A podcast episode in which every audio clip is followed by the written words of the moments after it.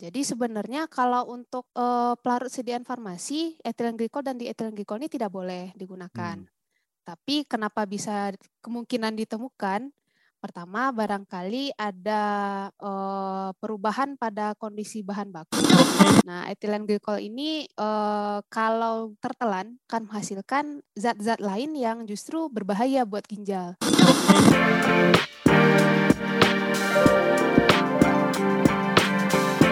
Hai sahabat TCID, kalian sedang mendengarkan podcast Suara Akademia. Ngobrol seru isu terkini bareng akademisi. Dalam seminggu terakhir banyak banget obrolan mengenai uh, kasus gagal ginjal akut kepada anak-anak especially di Indonesia.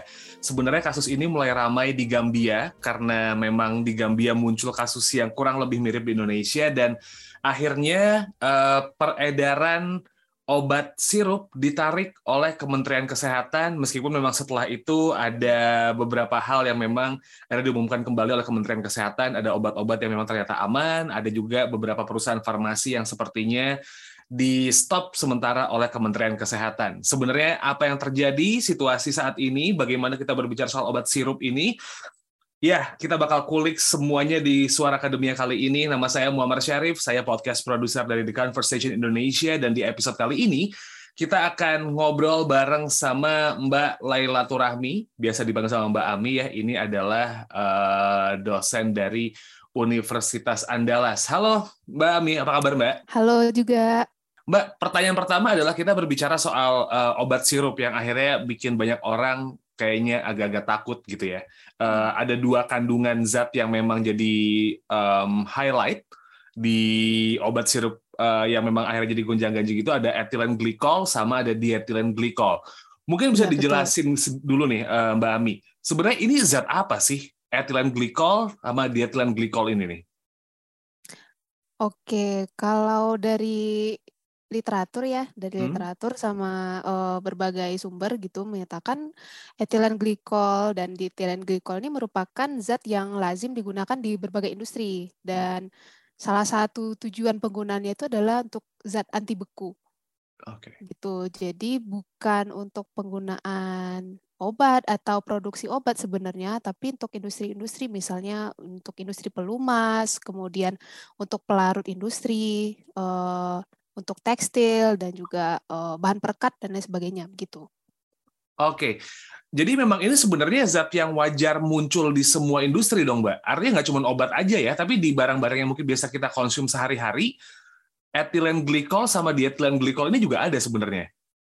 Ya, yang membedakannya adalah produk industri ini kan nggak kita masukkan ke dalam tubuh nggak dimakan atau tidak diminum begitu ya. Jadi untuk mm. penggunaan luar, entah itu untuk plastik misalnya atau untuk bahan-bahan lain misalnya pelumas itu kan untuk kendaraan ya.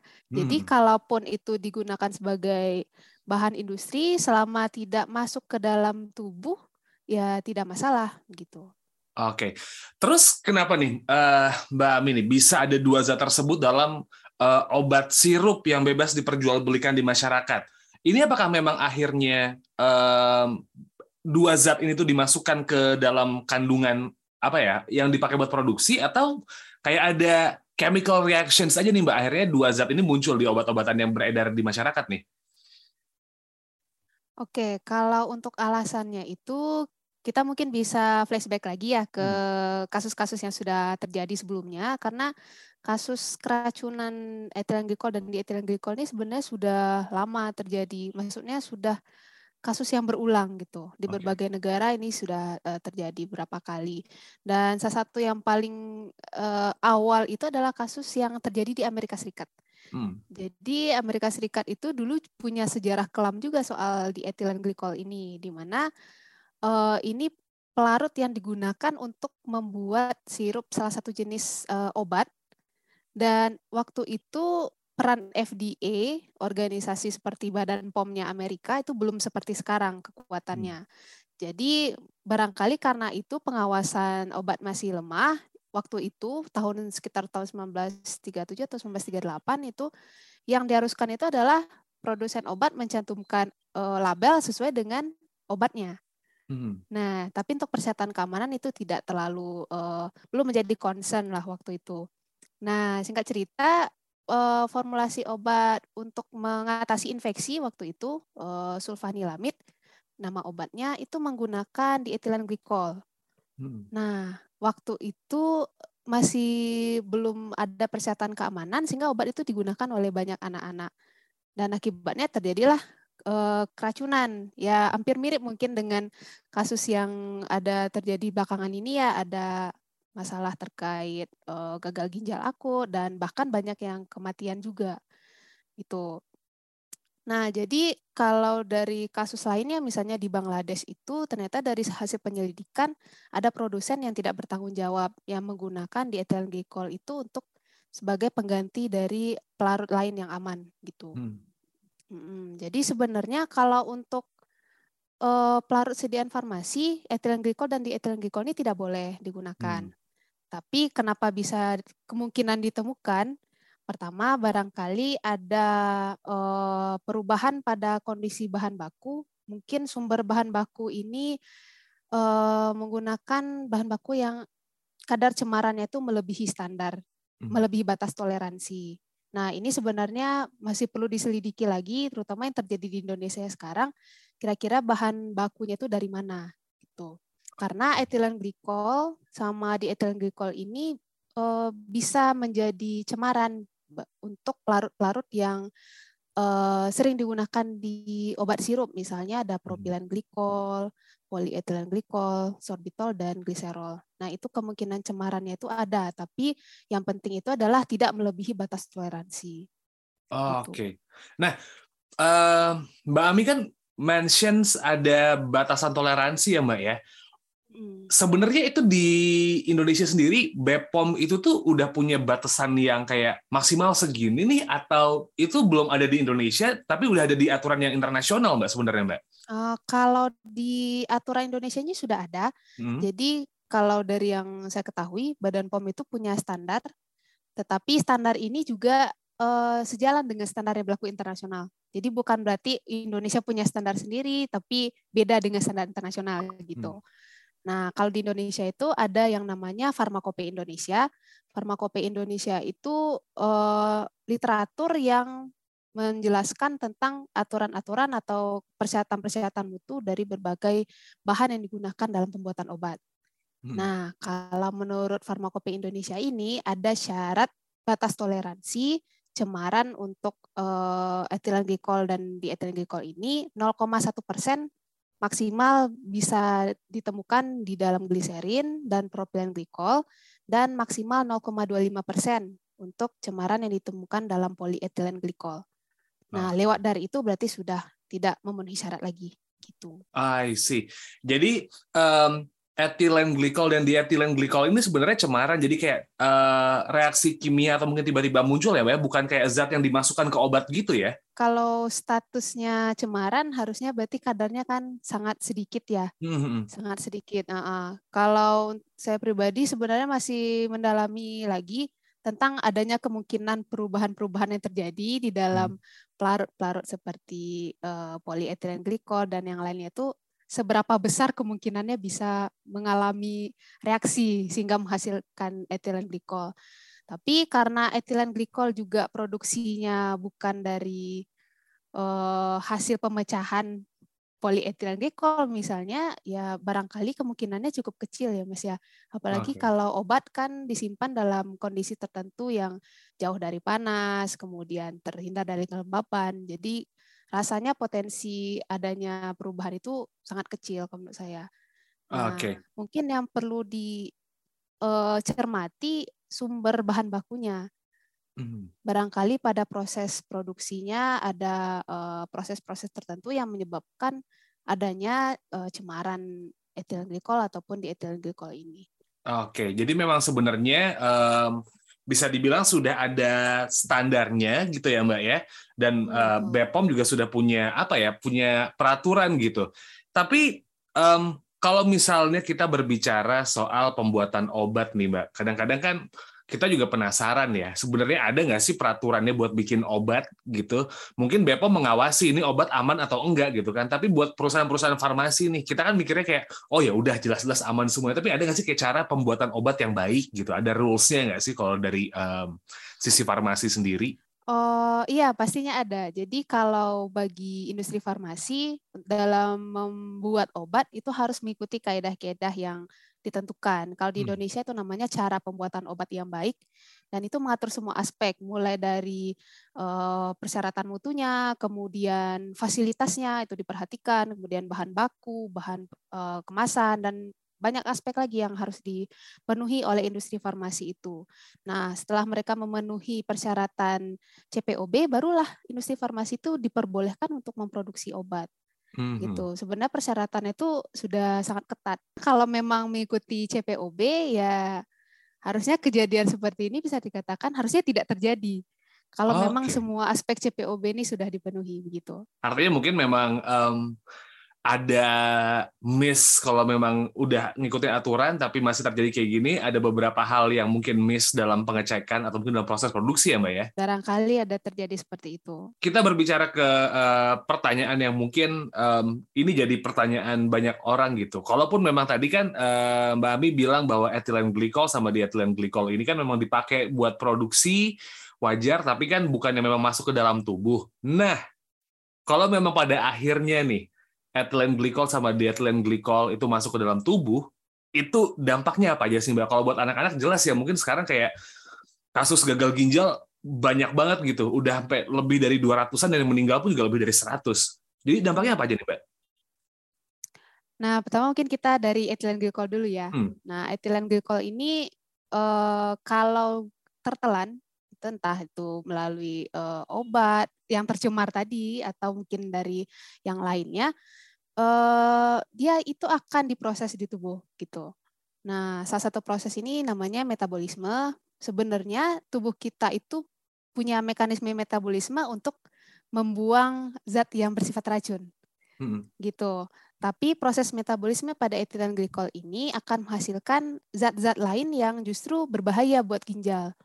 Nah, salah satunya itu ada asam glikolat.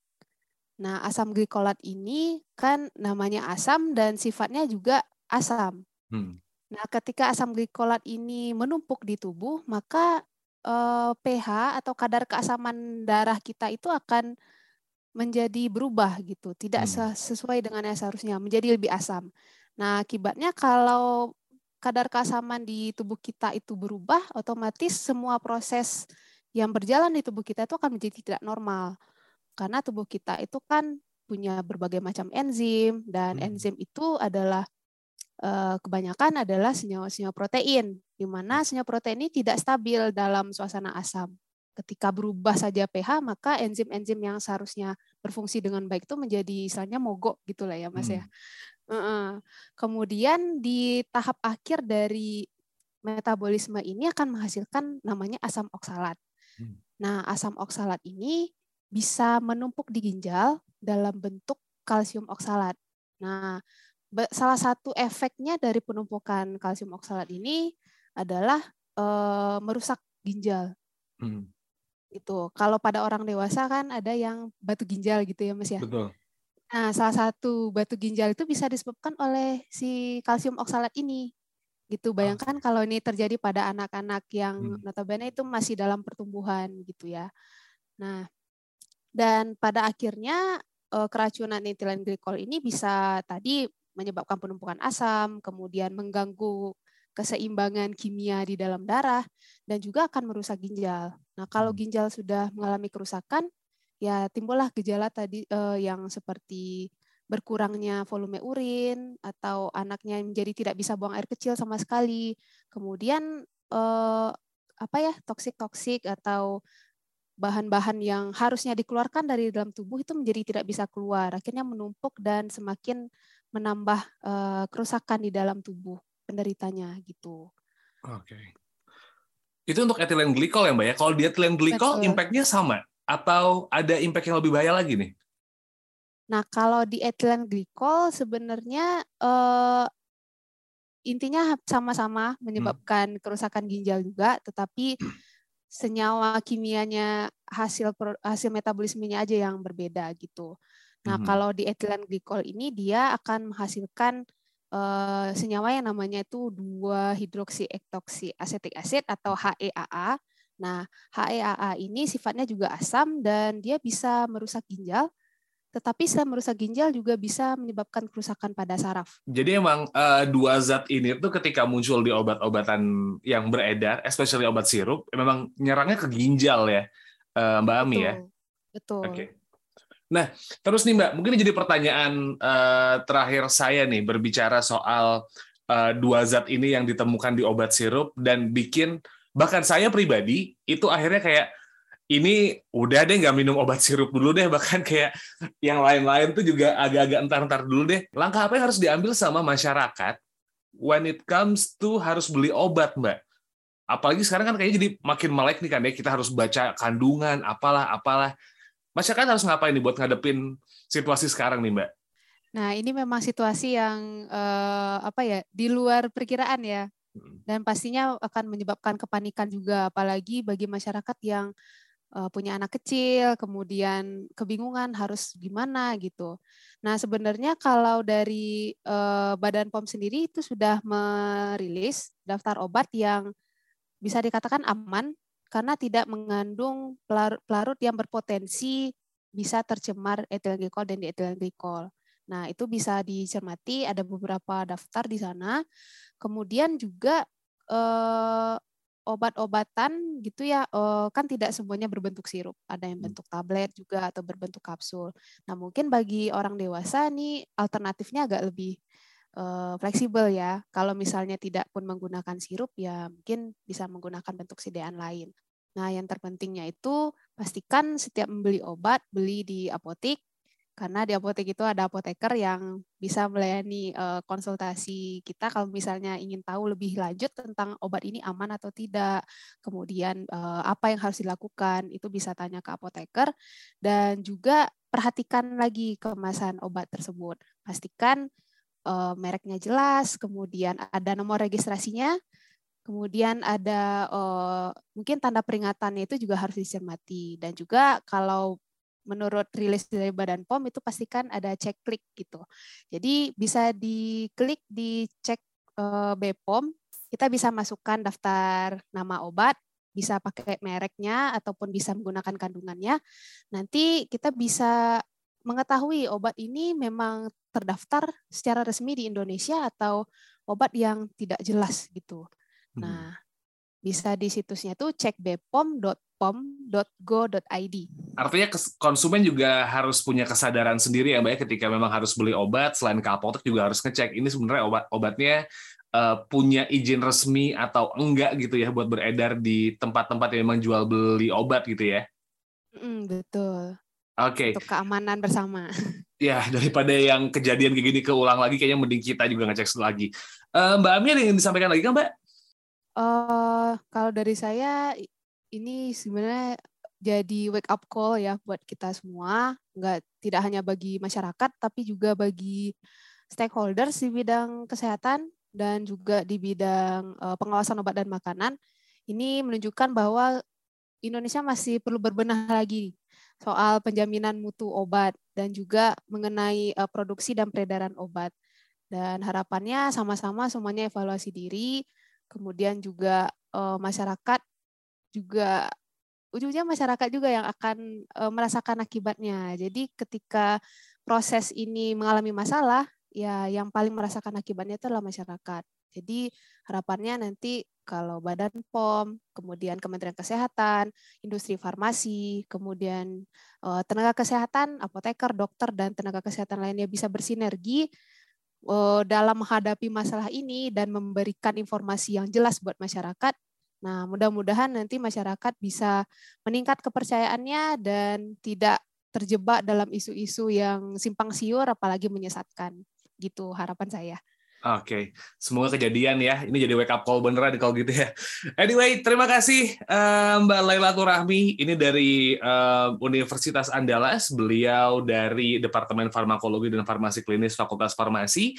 Dan that's all for uh, Suara Akademi episode kali ini, Sobat Isi ID. Kalau memang pengen tahu um, apa ya isu mengenai ethylene glycol dan diethylene glycol ini uh, Mbak Lela Rahmi udah punya artikel di theconversation.com/id dengan uh, judul kontaminasi ethylene glycol dan diethylene glycol dalam obat sirup akibatkan gagal ginjal akut. Penjelasannya banyak banget artikelnya ditulis sama Mbak Lela Rahmi gitu ya. Dan kalau emang pengen tahu banyak berita yang lain lagi bisa uh, sobat isi ID cek di website kami. Di ya, di conversation.com/id itu untuk website. Kalau misalnya untuk uh, sosmed ada di @conversationidn ya. Itu Instagram, Twitter, dan juga TikTok. Kita sudahi episode kali ini. I'll see you in the next episode. Wassalamualaikum warahmatullahi wabarakatuh. Kalian telah mendengarkan podcast Suara Akademia. Ngobrol seru isu terkini bareng akademisi.